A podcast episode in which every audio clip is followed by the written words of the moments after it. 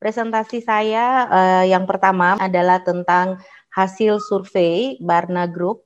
Uh, Barna Group ini sebuah lembaga riset in independen yang berdedikasi untuk memberikan wawasan yang dapat ditindaklanjuti tentang iman dan budaya dengan fokus khusus pada gereja Kristen sejak tahun 1984.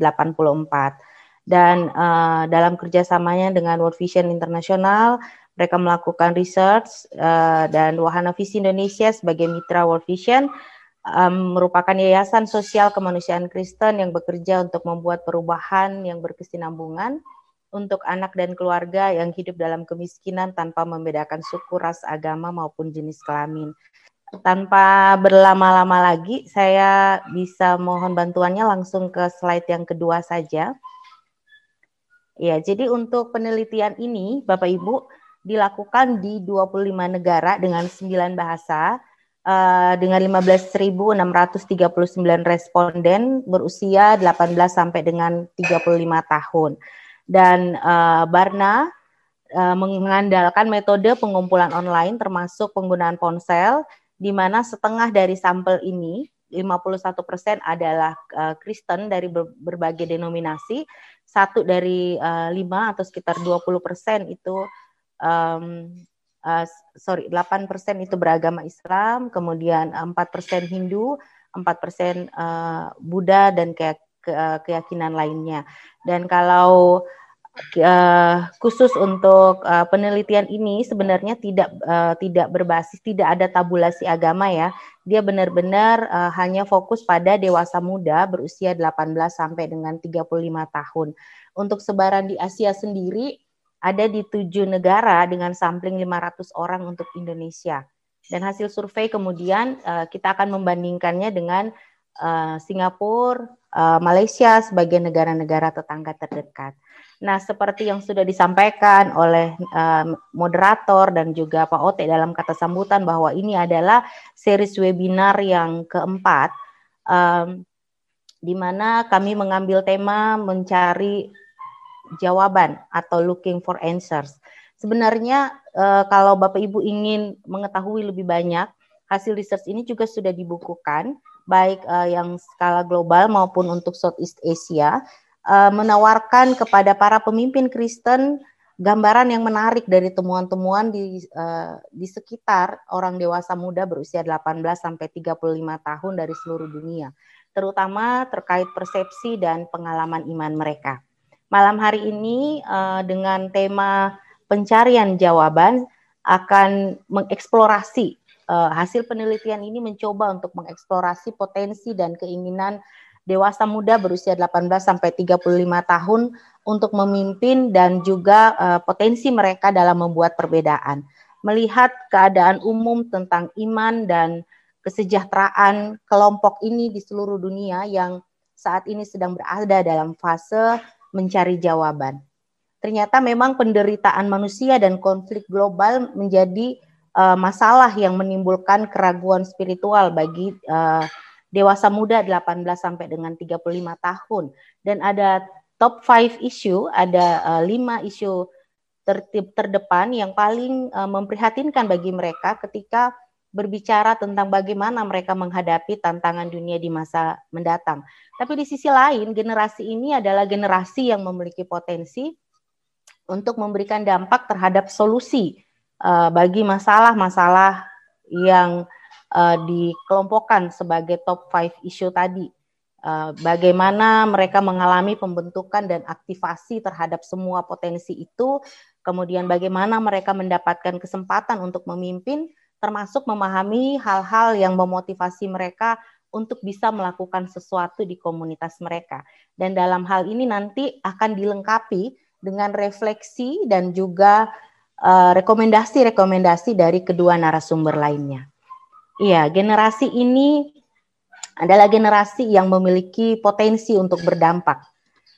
Kalau uh, kita lihat di slide berikutnya, bisa dilanjutkan.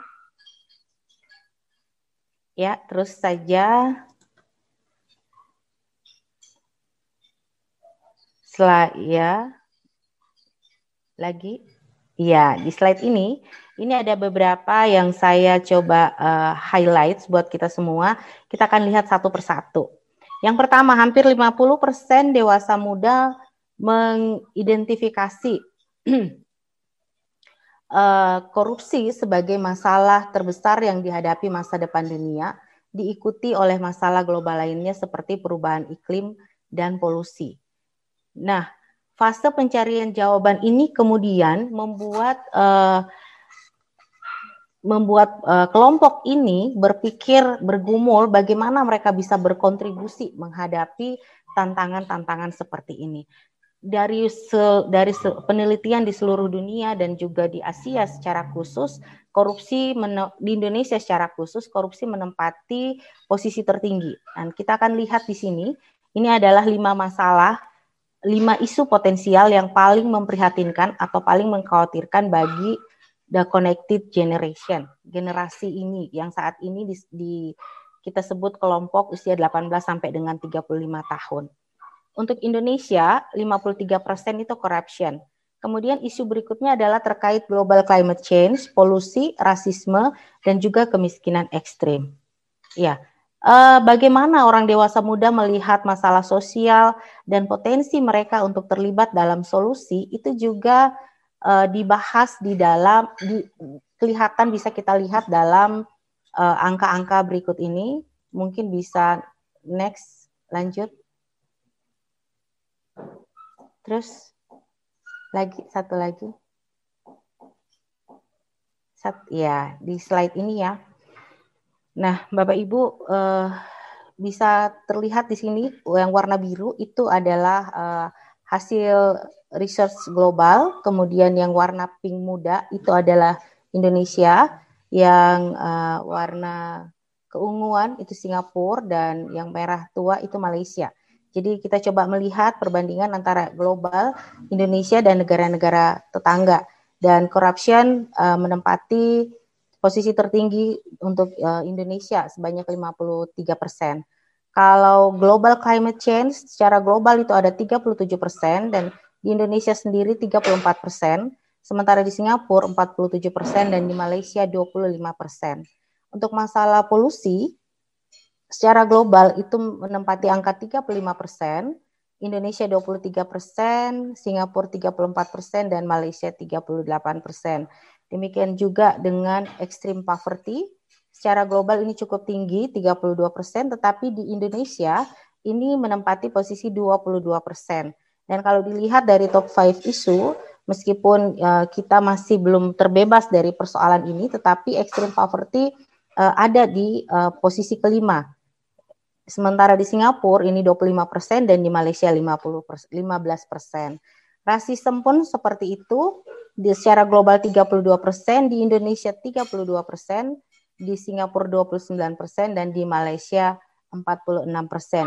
Demikian juga dengan uh, uh, hunger and famines, natural disaster, wealth inequality, education and healthcare kita bisa lihat untuk natural disaster mungkin dengan situasi konteks di Indonesia yang seperti ini Kemudian kita menempati posisi 36 persen, cukup tinggi, hampir 50 persen. Sementara secara global itu 24 persen, Singapura 32 persen, dan Malaysia 25 persen. Nah, generasi connected generation ini dikatakan sudah siap untuk membuat perbedaan.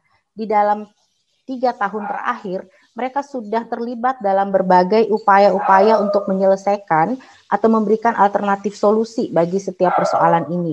Antara lain dengan menandatangani petisi atau yang paling tinggi untuk Indonesia yang kita bisa sorot adalah bagaimana mereka melaku, aktif melakukan donasi melalui badan amal lokal itu sebanyak 46 persen, badan amal nasional 27 persen juga paling tinggi dibandingkan global dan Singapura dan Malaysia.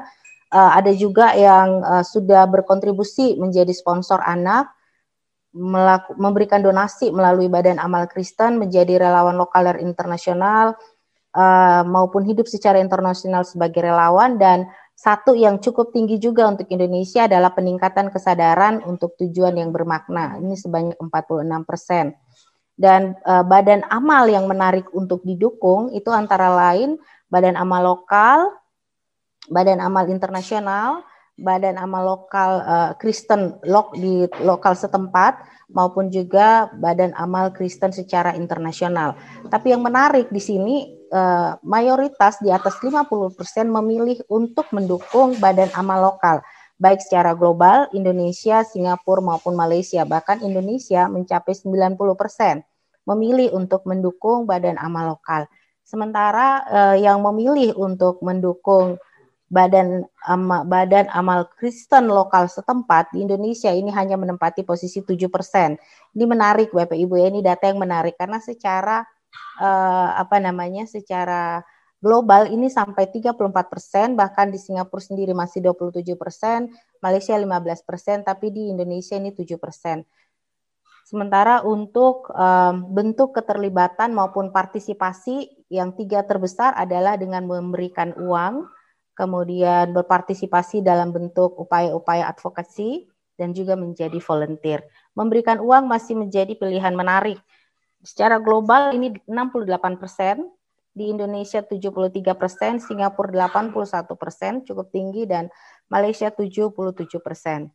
Yang memilih untuk uh, terlibat atau berpartisipasi dalam uh, berbagai upaya advokasi Indonesia masih menempati posisi tertinggi dengan 68 persen dan secara global 62 persen, Singapura 47 persen dan Malaysia 58 persen.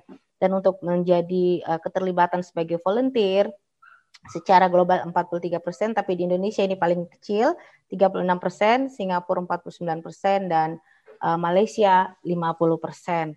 Nah, Bapak Ibu, uh, hal berikut yang juga saya highlight di sini adalah 58% dari connected generation ini mengatakan bahwa gereja pasti atau bahkan uh, mungkin saja bisa membuat perbedaan pada masalah kemiskinan dan keadilan. Ya, kita bisa lihat pada slide berikutnya. Next slide berikutnya. Ya, slide yang ini. Oke. Okay. Ya, gereja berfungsi sebagai tempat pembinaan dan uh, aktivasi. Nah, angka-angka ini menunjukkan bagaimana responden kelompok usia 18 sampai dengan 35 tahun hmm, berpendapat bahwa gereja bisa berfungsi sebagai tempat pembinaan maupun tempat aktivasi, tempat di mana uh, potensi-potensi mereka bisa berkembang, bisa di, di, dikembangkan dengan baik. Jadi untuk uh, masih dengan warna yang sama kita lihat uh, sebanyak 39% anak muda secara global mengatakan bahwa gereja gereja mereka menolong mereka untuk memiliki pemahaman yang baik tentang kebutuhan orang miskin. Tapi di uh, Indonesia, di Asia, di Indonesia, Singapura dan Malaysia, uh, Indonesia 33%, Singapura 40% dan Malaysia lebih dari 50%. Sementara uh, untuk generasi uh, yang berpendapat bahwa gereja sudah menolong mereka untuk memiliki pemahaman yang lebih baik tentang apa yang terjadi secara global terkait dengan kemiskinan itu 32 persen dan di Indonesia 24 persen, Singapura 30 persen, Malaysia 42 persen. Nah, uh, yang berikutnya terkait dengan bagaimana gereja menolong memberikan pemahaman yang lebih baik tentang keadilan sosial. Nah, ini dari kelima pertanyaan yang diberikan, uh, hasilnya cukup uh, cukup hampir sama, hampir sama dari global maupun uh, Asia. Dalam hal ini Indonesia, Singapura dan Malaysia yang menempati posisi 25 antara 25 sampai dengan 32 persen. Sementara untuk uh, pendapat tentang gereja sudah menolong memberikan pemahaman yang lebih baik tentang kebutuhan orang-orang yang terpinggirkan atau termarginalkan. Uh, secara global 31 persen dan di Indonesia 20 persen, Singapura 35 persen dan Malaysia 37 persen. Dan yang terakhir tentang bagaimana generasi ini uh, bisa uh, menemukan, uh, bisa memahami penyebab-penyebab dari isu ini dan menemukan passion mereka melalui gereja itu secara global 27 persen, di Indonesia 24 persen, Singapura 29 persen, dan Malaysia 37 persen. Dan uh, kita lihat bahwa semua capaian ini, semua angka ini masih di bawah 50%, tapi juga sudah di atas 20-an persen menganggap bahwa uh, gereja saat ini sudah berfungsi sebagai tempat pembinaan dan tempat di mana potensi-potensi mereka bisa berkembang. Sehingga nanti menarik kita akan lihat bagaimana materi yang akan disampaikan oleh kedua narasumber yang akan memperkaya terkait dengan peran gereja uh, mendampingi dan uh, apa ya mementoring anak-anak muda saat ini. Selanjutnya uh, ada juga ketika ditanya bahwa karena iman mereka maka penting bagi mereka untuk melakukan hal-hal ini. Ini ada ada enam hal yang uh, menjadi fokus dari pertanyaan di bagian ini. Ini adalah jawaban di sebelah kiri adalah jawaban yang uh, kita bandingkan dari global maupun Asia, Indonesia, Singapura, Malaysia dan di sebelah kanan ini terkait dengan uh, kelompok mereka uh, yang uh, disebut sebagai kelompok Resilient Disciples, kelompok uh, Kristen dan juga ada kelompok yang uh, menyatakan tidak memiliki keyakinan. Jadi poin pertama tentang kepedulian terhadap kesejahteraan orang lain. Jadi bagaimana iman mereka memberikan mereka pengaruh menjadi peduli terhadap kesejahteraan orang lain ini secara global maupun Asia cukup tinggi. Ya, tapi kalau itu dibagi lagi uh, dalam tiga kelompok untuk resilient disciples terlihat uh, paling tinggi di sini 54%, untuk kelompok yang Kristen 52% dan untuk kelompok yang uh, mengatakan mereka tidak memiliki keyakinan tertentu itu 38 persen. Artinya uh, mereka menganggap bahwa tidak ada hubungannya antara iman dan uh, peningkatan kepedulian mereka terhadap kesejahteraan orang lain. Kemudian fokus yang kedua adalah bagaimana iman berpengaruh pada keinginan mereka untuk mengalokasikan waktu untuk menolong orang yang membutuhkan uh, Indonesia paling tinggi di sini 71 persen, meskipun secara global ini hanya 49 persen, Singapura 53 persen, dan Malaysia 63 persen. Dan untuk kelompok resilient disciples ini mencapai 73 persen, kelompok yang Kristen 69 persen, dan uh, no faith 38 persen. Masih melihat bagaimana iman, keyakinan mereka mempengaruhi keinginan mereka untuk membagi waktu untuk menolong mereka yang membutuhkan. Fokus berikutnya tentang menentang ketidakadilan terhadap individu maupun kelompok tertentu. Uh, ini juga kurang lebih sama antara yang global dan juga Asia. Kita bisa lihat angkanya di sini. Dan fokus selanjutnya bagaimana iman bisa uh, mempengaruhi sikap mereka terhadap korupsi di mana mereka im, menurut mereka iman bisa menolong mereka untuk menentang korupsi. Ini secara global 44 persen, uh, Indonesia 40 persen, Singapura 35 persen, dan Malaysia 52 persen. Selanjutnya, bagaimana iman mempengaruhi mereka dalam membagikan sumber daya yang dimiliki untuk menolong orang-orang yang membutuhkan, termasuk memberikan uang dan juga memberikan barang. Secara global 41 persen, tapi untuk Indonesia ini mencapai 60 persen. Uh, Singapura 52 persen dan Malaysia 49 persen. Kalau kita lihat pada uh, kelompok Resilient Discipleship dan juga Christian ini 69 persen dan 60 persen, sementara No Faith 34 persen. Uh, yang terakhir ini adalah uh, yang tidak yang mengatakan tidak ada satupun di atas yang uh, dipengaruhi oleh iman dan percaya mereka. Di sini kita bisa melihat betapa generasi ini masih menganggap bahwa iman mendorong mereka atau mempengaruhi mereka untuk melakukan hal-hal yang baik dan yang bermanfaat bagi sesama mereka. Nah, bagaimana gereja mendorong welas asih atau belas kasihan ya dan mengaktifkan potensi mengembangkan potensi-potensi anak muda. Nah, ini ada uh, beberapa hal yang saya highlight di sini. Satu dari empat orang dewasa muda mengatakan bahwa merawat orang miskin adalah salah satu tujuan mereka selama 10 tahun ke depan, termasuk uh, kesempatan untuk bisa melawan ketidakadilan. Ada 45 persen yang terlibat aktif dalam gereja yang melaporkan bahwa saat ini gereja sudah membantu mereka memahami kebutuhan masyarakat miskin.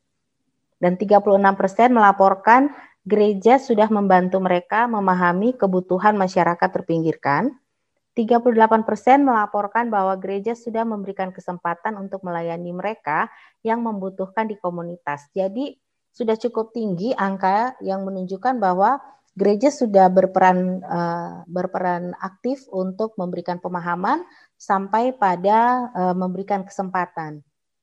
Sekitar satu per tiga responden Kristen mengatakan bahwa gereja um, mereka telah diperlengkapi melalui gereja dengan pemahaman tentang keadilan sosial. Ini bicara tentang uh, social justice dan bahwa mereka sudah menemukan penyebab atau masalah yang mereka uh, yang menjadi passion mereka itu mereka temukan melalui gereja itu sebanyak 31 persen.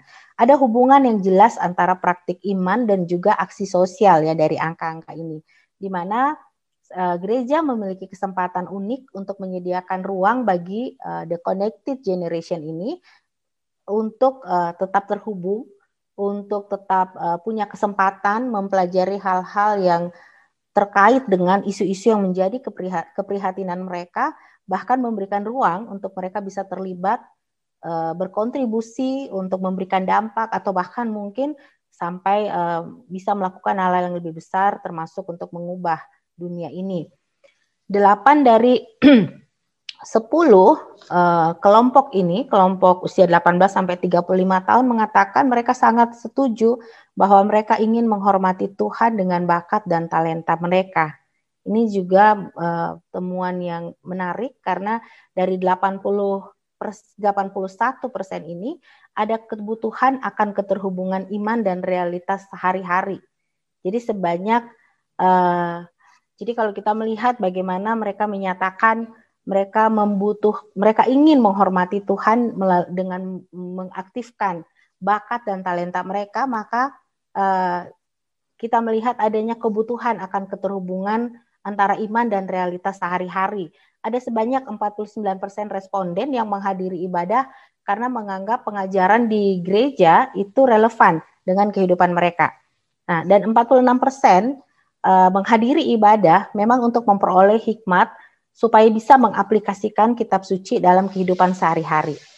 7 dari 10, sekitar 69% uh, generasi ini melaporkan bahwa komunitas iman bisa menolong mereka memahami tujuan hidup mereka. Dan uh, lebih dari 50% responden melaporkan bahwa gereja telah mengajarkan mereka bagaimana mengaplikasikan kitab suci dalam pekerjaan mereka dan mengajarkan mereka cara mendemonstrasikan iman mereka di dalam dunia pekerjaan mereka sehari-hari. Nah, Bapak Ibu, kita telah membaca tentang bagaimana situasi orang dewasa muda di Eh, global secara global maupun di Asia khususnya Indonesia, Singapura dan Malaysia tadi. Kita juga uh, sudah melihat uh, bagaimana mereka mengharapkan potensi-potensi mereka bisa berkembang dan mereka melihat gereja sudah berkontribusi untuk melakukan itu.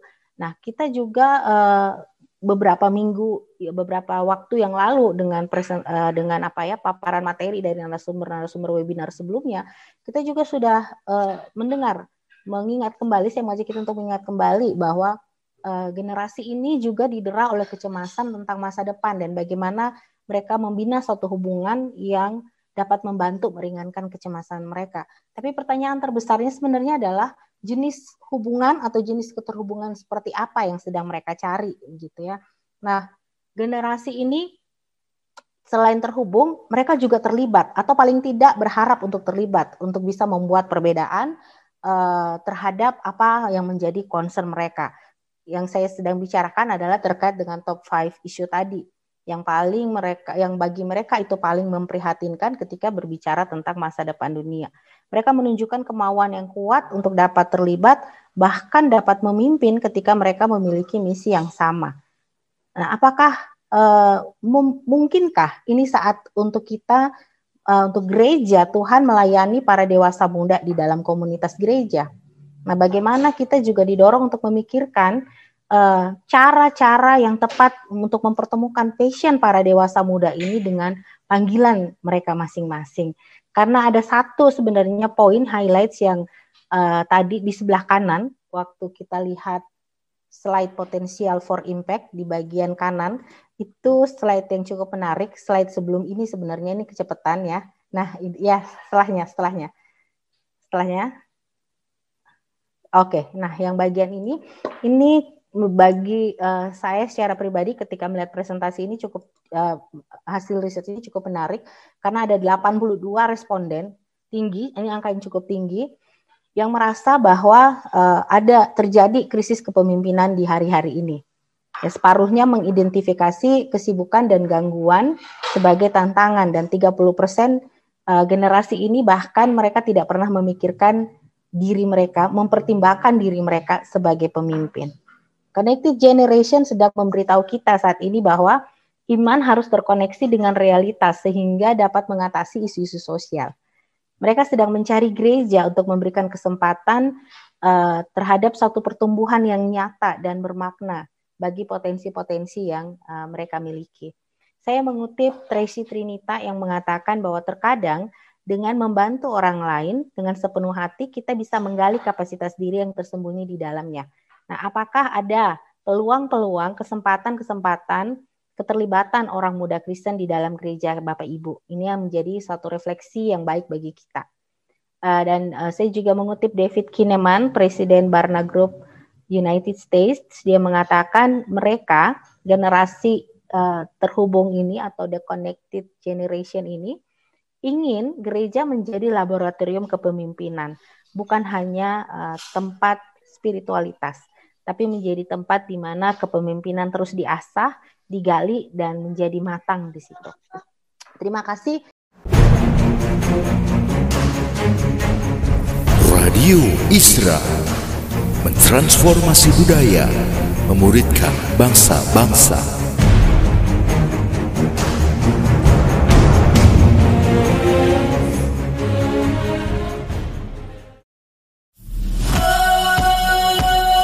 Suara Transformasi membagikan inspirasi tentang karya-karya memuridkan bangsa dengan nilai-nilai Kristiani dalam berbagai sisi kehidupan. Selamat mendengarkan.